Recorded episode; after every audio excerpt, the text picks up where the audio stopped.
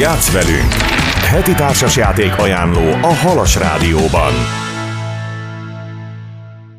Köszöntjük a hallgatókat, Csányi Ágnes vagyok a mikrofonnál. Köszöntöm a stúdióban Péli Csabát, társasjáték mesterünket. Szia! Szia Ági, üdvözlöm a hallgatókat! Itt egyeztetünk gyorsan, 57. adásban vagyunk ki már, tehát, hogy aki beleszeret esetleg valamelyik társasjátékba, ne csüggedjen el, mert ha visszahallgatja az adásokat, akkor legalább 200 játékkal fog találkozni, tehát biztos, hogy fog tudni választani magának, a családjának. Milyen idézetet hoztál? Mai idézetünk Tony Robbins, amerikai író és előadó tollából származik. Nem az információ korában élünk, a szórakoztatás korában élünk. Hát ez nagyon érdekes mondás. Mit jelent? Miért hoztad? Én ezt most azért hoztam igazából, mert ahogy azt ugye maga az idézet is mondja, hogy mindig azt halljuk, hogy az információ korában élünk. Minden az információról szól, az internet, ugye nemrég egy másik műsorban beszélgettünk a mesterséges intelligenciáról is, tehát minden arról szól, hogy információ, információ, információ, illetve ugye a csapból is az folyik a különféle krimikből és mindenféle történetekből, hogy, hogy hogyan tudnak a mi információinkkal akár vissza is élni, és tényleg minden a körül forog, hogy a digitális információk és minden ott van azonnal információ formájában elérhetően, és ilyenkor egy nagyon-nagyon jó dolog az, hogy valaki azt mondja, hogy annak ellenére, hogy minden az információk körül forog, nem feltétlenül ez a lényeg, hanem az, hogy közben nagyon sok minden a szórakoztatásról szól a számítógépes játékok is, én azt gondolom, hogy már a kezdetektől fogva, annak ellenére, hogy az információs világba vittek bennünket, és az informatika világába húzták be az embert, azért a legtöbben a játékok után nem feltétlenül ültek le programozni. Biztos, hogy voltak egy jó pár, akik azt mondták, hogy ú, ez nekem nagyon tetszik ez a játék, és akkor én próbálok valami hasonlót csinálni, de azért ugye a legtöbbünknek maga a számítógépes játékok is csak arról szólnak, hogy szórakozás. Ugyanígy én azt gondolom, hogy nagyon fontosak az ismeretterjesztő dokumentumfilmek, az ismeretterjesztő műsorok a tévében, amiből sajnos ugye a kereskedelmi tévékben az utóbbi időben egyre kevesebb van, de szerencsére azért léteznek olyan csatornák, ahol direkt a szórakoztató információ átadásra mennek rá, és ez a nagyon fontos benne, hogy szórakoztatni, és ugyanez van a társasjátékoknál is.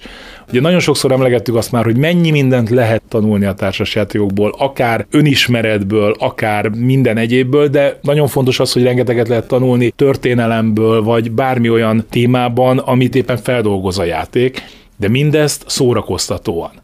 Tehát nem arról szól egy társas játék, hogy na most itt van a második világháború, és száraz tényekkel játszunk, hanem ott is azért annak ellenére, hogy egy borzasztó világégésről beszélünk, és tényleg tehát maga az egész háború, mint olyan egy, egy szörnyű dolog, de mégis lehet magát, a harcot ugye valamennyire olyan szórakoztató formában bemutatni, hogy közben tanuljon belőle az ember. Ez így van, az élmény, és hát nem véletlen, hogy a filmcsatornák aratnak, elképesztő mennyiségű film termelődik, néződik, hogy így mondjam. És ez mellett, amit én ma témának egy picit szerettem volna előhozni, ez megint csak egy hallgatói visszajelzés alapján jött ez az ötlet, hogy beszéljünk egy picit arról, amikor megveszünk egy játékot, és az úgy borító, meg téma, meg minden alapján olyan kis kedvesnek, cukinak tűnik, Utána viszont úgy állunk fel az asztaltól, hogy a társaság akár át is harapta már egymás torkát. Épp a múltkor került nálam asztalra egy, hát már régóta ott van a polcon, meg talán már korábban emlegettem is, ez a Magalon című játék, Leültünk vele négyen játszani, és valahogy úgy alakult, hogy az egyik játékosunkra nagyon rájárt a rúd, és valahogy mindenki az ő bábuját találta meg, amikor valami pofont kellett osztani, és nagyon furcsa volt az, hogy egyébként egy kis cuki, mert varázslókkal körbejárunk egy völgyet. Közben mennyire földbe lehet vele döngölni egy-egy embert. Ugyanígy például egy nagyon-nagyon cuki játéknak tűnik, az unikornis, a rémes ménes, kis cuki unikornisokkal, vagy éppen a hivatlan haverok, vagy van például a Bears versus Babies, amiben macik és kisbabák vannak, és, és olyan cukinak tűnik a téma, és mindegyiknél az a lényeg, hogy csináljuk ki a másikat, de könyörtelenül. Azért ez durva. Igen, tehát megvannak azok a játékosok, akik ezt szeretik. Tehát ugye ezek az úgynevezett striker játékosok, tehát akiknél azon, hogy üssünk oda, és ő azt élvezi, hogy, hogy ő most pusztíthat, de én azt gondolom, hogy azért ennek is megvan a helye, megvan az ideje, és megvan a megfelelő közönsége. Azért mindenkivel ezt sem lehet játszani. És legfőképpen egy macis babás játéktól, nem ezt várjuk. Így van. Tehát nagyon fontos ez, hogy attól eltekintve, hogy maga a borítás az cuki, és a körítés az cuki, egyáltalán nem biztos, hogy egy cuki játékot kapunk. És akkor a másik, amit még ma szeretnék előhozni, ugye múlt héten már emlegettük, és most szombaton le is zajlott a szolnoki képregény és játékbörze. Közben kaptam egy megkeresést János Halmáról, Virág Attiláéktól, ott is működik egy társasjátékklub, a Méta Téma Klub, ők május 19-én fognak helyet adni a Piero játékbemutató roadshow-nak, Ugye Pierót én már többször emlegettem, nagyon szeretem a stílusát, az egész játékokkal kapcsolatos szemléletét. Én azt gondolom, hogy családi léptékben nagyon-nagyon klassz játékokat készít. Nemrég jelent meg a Monopolis című játéka, amit a társasjátékok ünnepén mutattak be, és mi is ott vettük át, illetve most jelent meg épp a napokban a Nomád című játéka. Ez egy sokkal nagyobb volumenű, komoly kis stratégia lett, és ennek a két játéknak a kiadója, a Kompaja és a Piatnik összeálltak, és Piero gyakorlatilag körbe fogja haknizni, körbe fogja járni az országot. Március 27-én indult a Roadshow Budapesten, és majd június 25-én fejeződik be szintén Budapesten, és közben Vác, Szeged, Szombathely, Szentes, Miskolc, Győr, és rengeteg várost érintve körbejárja az országot, és ennek az egyik állomása lesz május 19-én János Halmán, a Méta Téma Klubban, ahol mi is ott leszünk, és meg fogjuk nézni Piero új játékát, úgyhogy ezt is nagyon jó szívvel ajánlom mindenkinek, hogyha van ideje és kedve, akkor május 19-én ugorjon át János Halvára és próbálja ki a játékokat. Az jutott eszembe, hogy ha oda látogattok, akkor ti lesztek a klub a klubban. Így van. Mi tartsanak össze, tartsanak össze a társas játékklubok. Innen fogjuk folytatni a beszélgetést Péli Csabával, akivel a G betűs játékokkal folytatjuk. Konkrétan jöjjenek hamarosan zene után a játékok. Játsz velünk! Heti társas játék ajánló a Halas Rádióban. Folytatjuk mai adásunkat Péli Csaba társas játék ajánlójával, és hát jöjjenek akkor konkrétan a G betűs játékok. Az első G betűs játékunk a mai napra a Glüx. Hát egy elég érdekes kis címe van. Elsőre nem is feltétlenül mondanám azt, hogy olyan nagyon vonza az embert a doboz sem. Ilyen kis fénypontok vannak kék háttérrel a dobozon, és olyan semmilyen. Maga a játék egy nagyon-nagyon erősen absztrakt játék, tehát aki szereti a, a dámát, a sakkot és a hasonló téma nélküli elvont játékokat, az ebben megtalálhatja a maga kedvencét. A Glüxben a fényünket próbáljuk kiterjeszteni a táblán, és ez úgy fog történni, hogy mindig húzunk a saját zsákunkból kis lapkákat. Ezeken a lapkákon fénypontok vannak minden lapka két oldalú, és ha például az egyik oldalán egy pont van, akkor a másik oldalán hat lesz. Ha az egyik oldalán kettő, a másik oldalán öt, ha az egyik oldalán három, a másik oldalán négy. Tehát ez ismerős lehet ugye a dobókockáról is, ugye, hogy a két szemközti oldal ugyanígy működik ott is.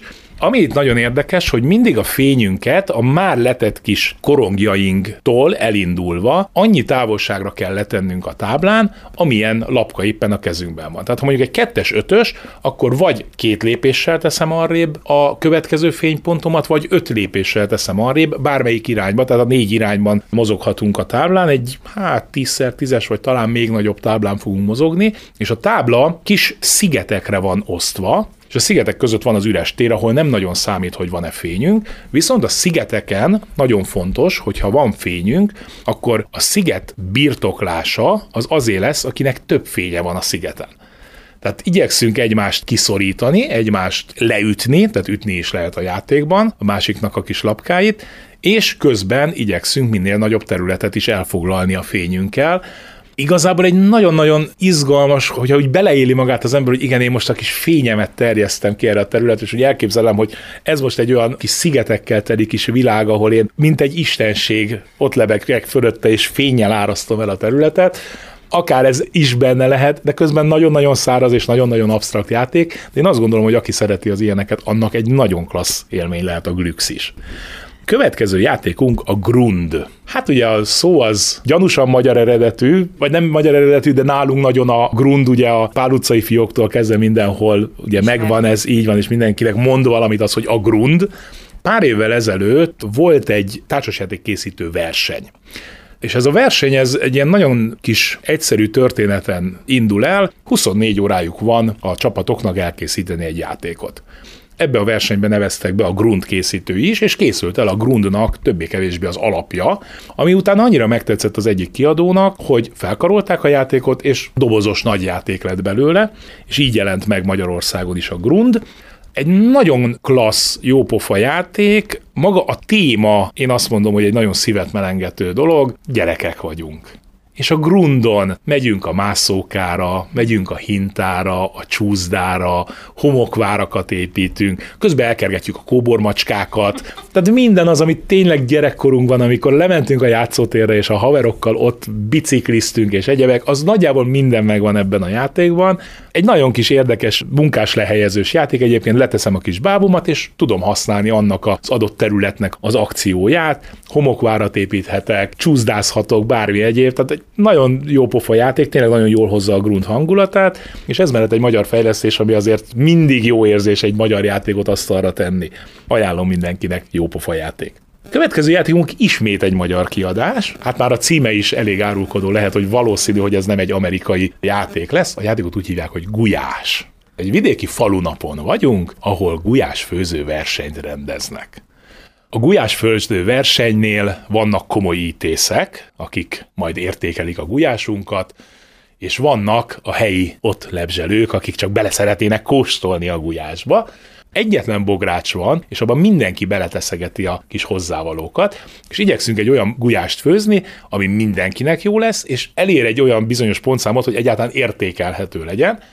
Az első izgalmas dolog ugye ez, hogy közösen főzünk, tehát nem mindenki a saját gulyását főzi, hanem egy közös gulyást főzünk, és el kell döntenem azt, hogy mikor mondom azt, hogy szerintem kész van ez a gulyás, mert a többiek is már tettek bele annyi olyan dolgot, ami jó lehet, mert ugye mindent lefordítva teszünk, tehát nem látjuk, hogy mi kerül a gulyásba, azt tudom, hogy én mit raktam bele, és közben nagyon vicces, nagyon jó pofa kis helybéliek vannak, például ott van az egyik nagyon komoly, imádjuk, Babi néni, aki azt mondja, hogy akkor lesz jó a gulyás, ha van benne egy darab bauxit. Tehát vannak benne ilyen teljesen lökött dolgok, akkor van például egy pulikutya, aki, hogyha alkalma van rá, akkor ő egy húsdarabot, akár mócsingos húst, akár rendes húst, de kieszik a gulyásból, és akkor neki azt ugye oda kell adnunk, mielőtt a gulyásunkat értékeljük. És miután minden helyi érdeklődőt valamilyen módon leszereltünk, tehát mondjuk a kutyának odadobtuk a mócsingos húst, Babi néni megkapta a bauxitját a gulyásból, vagy épp a templom egere kievett egy kenyeret, akkor utána fogjuk megnézni, hogy a gulyásunk elérte egy bizonyos pontszámot, mert ha nem, akkor sajnos elbuktuk a gulyás főzést, és aki gulyást kiáltott, hogy kész a gulyás, az bizony ilyenkor rosszul jár. Kooperatív játék, jól értem, vagy nem? Hirtelen az, hogy közös gulyást főzünk, nekem az jutott eszembe, de ez, hogy különböző emberek mikor kiáltanak gulyást, ebből az, hogy nem. Abból kooperatív, hogy közösen rakjuk össze, hogy mi kerül a gulyásba, de közben meg igen verseny, mert egy ember fogja a végén csak azt mondani, hogy most van kész a gulyás, és nézzük meg. Vagy ő nyer. Vagy, vagy ő nyer, vagy mindenki más. Tehát ugye van egy kis kockázat benne, és ugye pontokat gyűjtünk minden egyes gulyás, és akkor négy-öt gulyás főzés után van általában vége a játéknak. Én azt gondolom, hogy egy jó vicces parti játék, el lehet vele jókat hülyéskedni, pontosan ez, hogy tényleg nagyon jól hozza ezt a hangulatot, hogy egy falunapon vagyunk, gulyásfőzőverseny, Bodri, kutya. bodri kutyával, van egy olyan szomszéd, aki azt mondja, hogy már pedig abba füstölt hús kell, akkor mit tudom, jön Hansel és Gretchen, akik hát ugye gulást szeretnének enni, tehát van minden, nagyon jól összeszedték a fiúk, egy jó pofa játék. És akkor utolsónak hagytuk, elhagyjuk a G betűt, és átkanyarodunk a H-ra, a mai utolsó játékunk a háború kora. Hát itt maga a játék a múlt héten is már emlegetett Rainer Knizia asztaláról került re, és igazából ő egy picit tovább gondolta a rizikót. Ugye a rizikóval két probléma szokott általában lenni, az egyik az, hogy iszonyatosan sokáig tart, a másik az, hogy iszonyatosan véletlenszerű a rengeteg kockadobás miatt. Na hát az iszonyatosan véletlenszerűség az itt is megvan, viszont a sokáig tart, az talán annyira nincs, tehát ez egy mondjuk egy negyed óra, fél órában legfeljebb lepörög a játék. A középkori Japánban járunk, és a különféle tartományok fölött szeretnénk megszerezni a hatalmat. Ehhez hét kockával dobunk, és minden tartományon vannak különféle jelzések, hogy teszem azt mondjuk hét darab gyalogos szamuráj, két lovas szamuráj és egy íjász szamuráj kellene ahhoz, hogy megszerezzem ezt a tartományt. És tudok dobni a kockákkal, ezeken van lovas, van íjász, van az úgynevezett daimó, ez a szamurájoknak a sisakja, illetve egy, kettő vagy három kard. És minden dobás után el kell döntenem, hogy legalább egy kockát föl kell használnom valamelyik tartományhoz, és amikor az első kockát letettem egy tartományra, onnantól kezdve azért a tartományért próbálom a többi dobást megcsinálni, egy jó pofa játék gyorsan lepörög, igazából egy egyszerű kockapókerről beszélünk, csak van ráhúzva egy kis téma, én azt gondolom, hogy ha valaki már unja azt, hogy na, akkor most 3-6-os dobtál, és akkor te nyertél, akkor egy nagyon jó alternatíva lehet az, hogy picit csatázunk, egy picit megvan az a lehetőség is, hogyha én azt mondom, hogy a másik által elfoglalt tartományt akarom elfogadni, akkor csak plusz egy daimót, egy sisakot kell még pluszba kidobnom, és akkor akár el is rabolhatom, újra elfoglalhatom a másik területét is. Egy jó pofa játék, nem váltja meg a világot, semmi extrát nem ad, de azt gondolom, hogy abban a negyed órában, fél órában egy jó kis csata hangulatot tud uh-huh. varázsolni az asztalra. Csaba, nagyon köszönjük. Ismét négy csodálatos játékkal és közösségi lehetőséggel bővültünk. Köszönöm, hogy itt voltál. Én köszönöm, hogy itt lehettem. Köszönöm, hogy velünk tartottak. Csányi Ágnes voltam a mikrofonnál.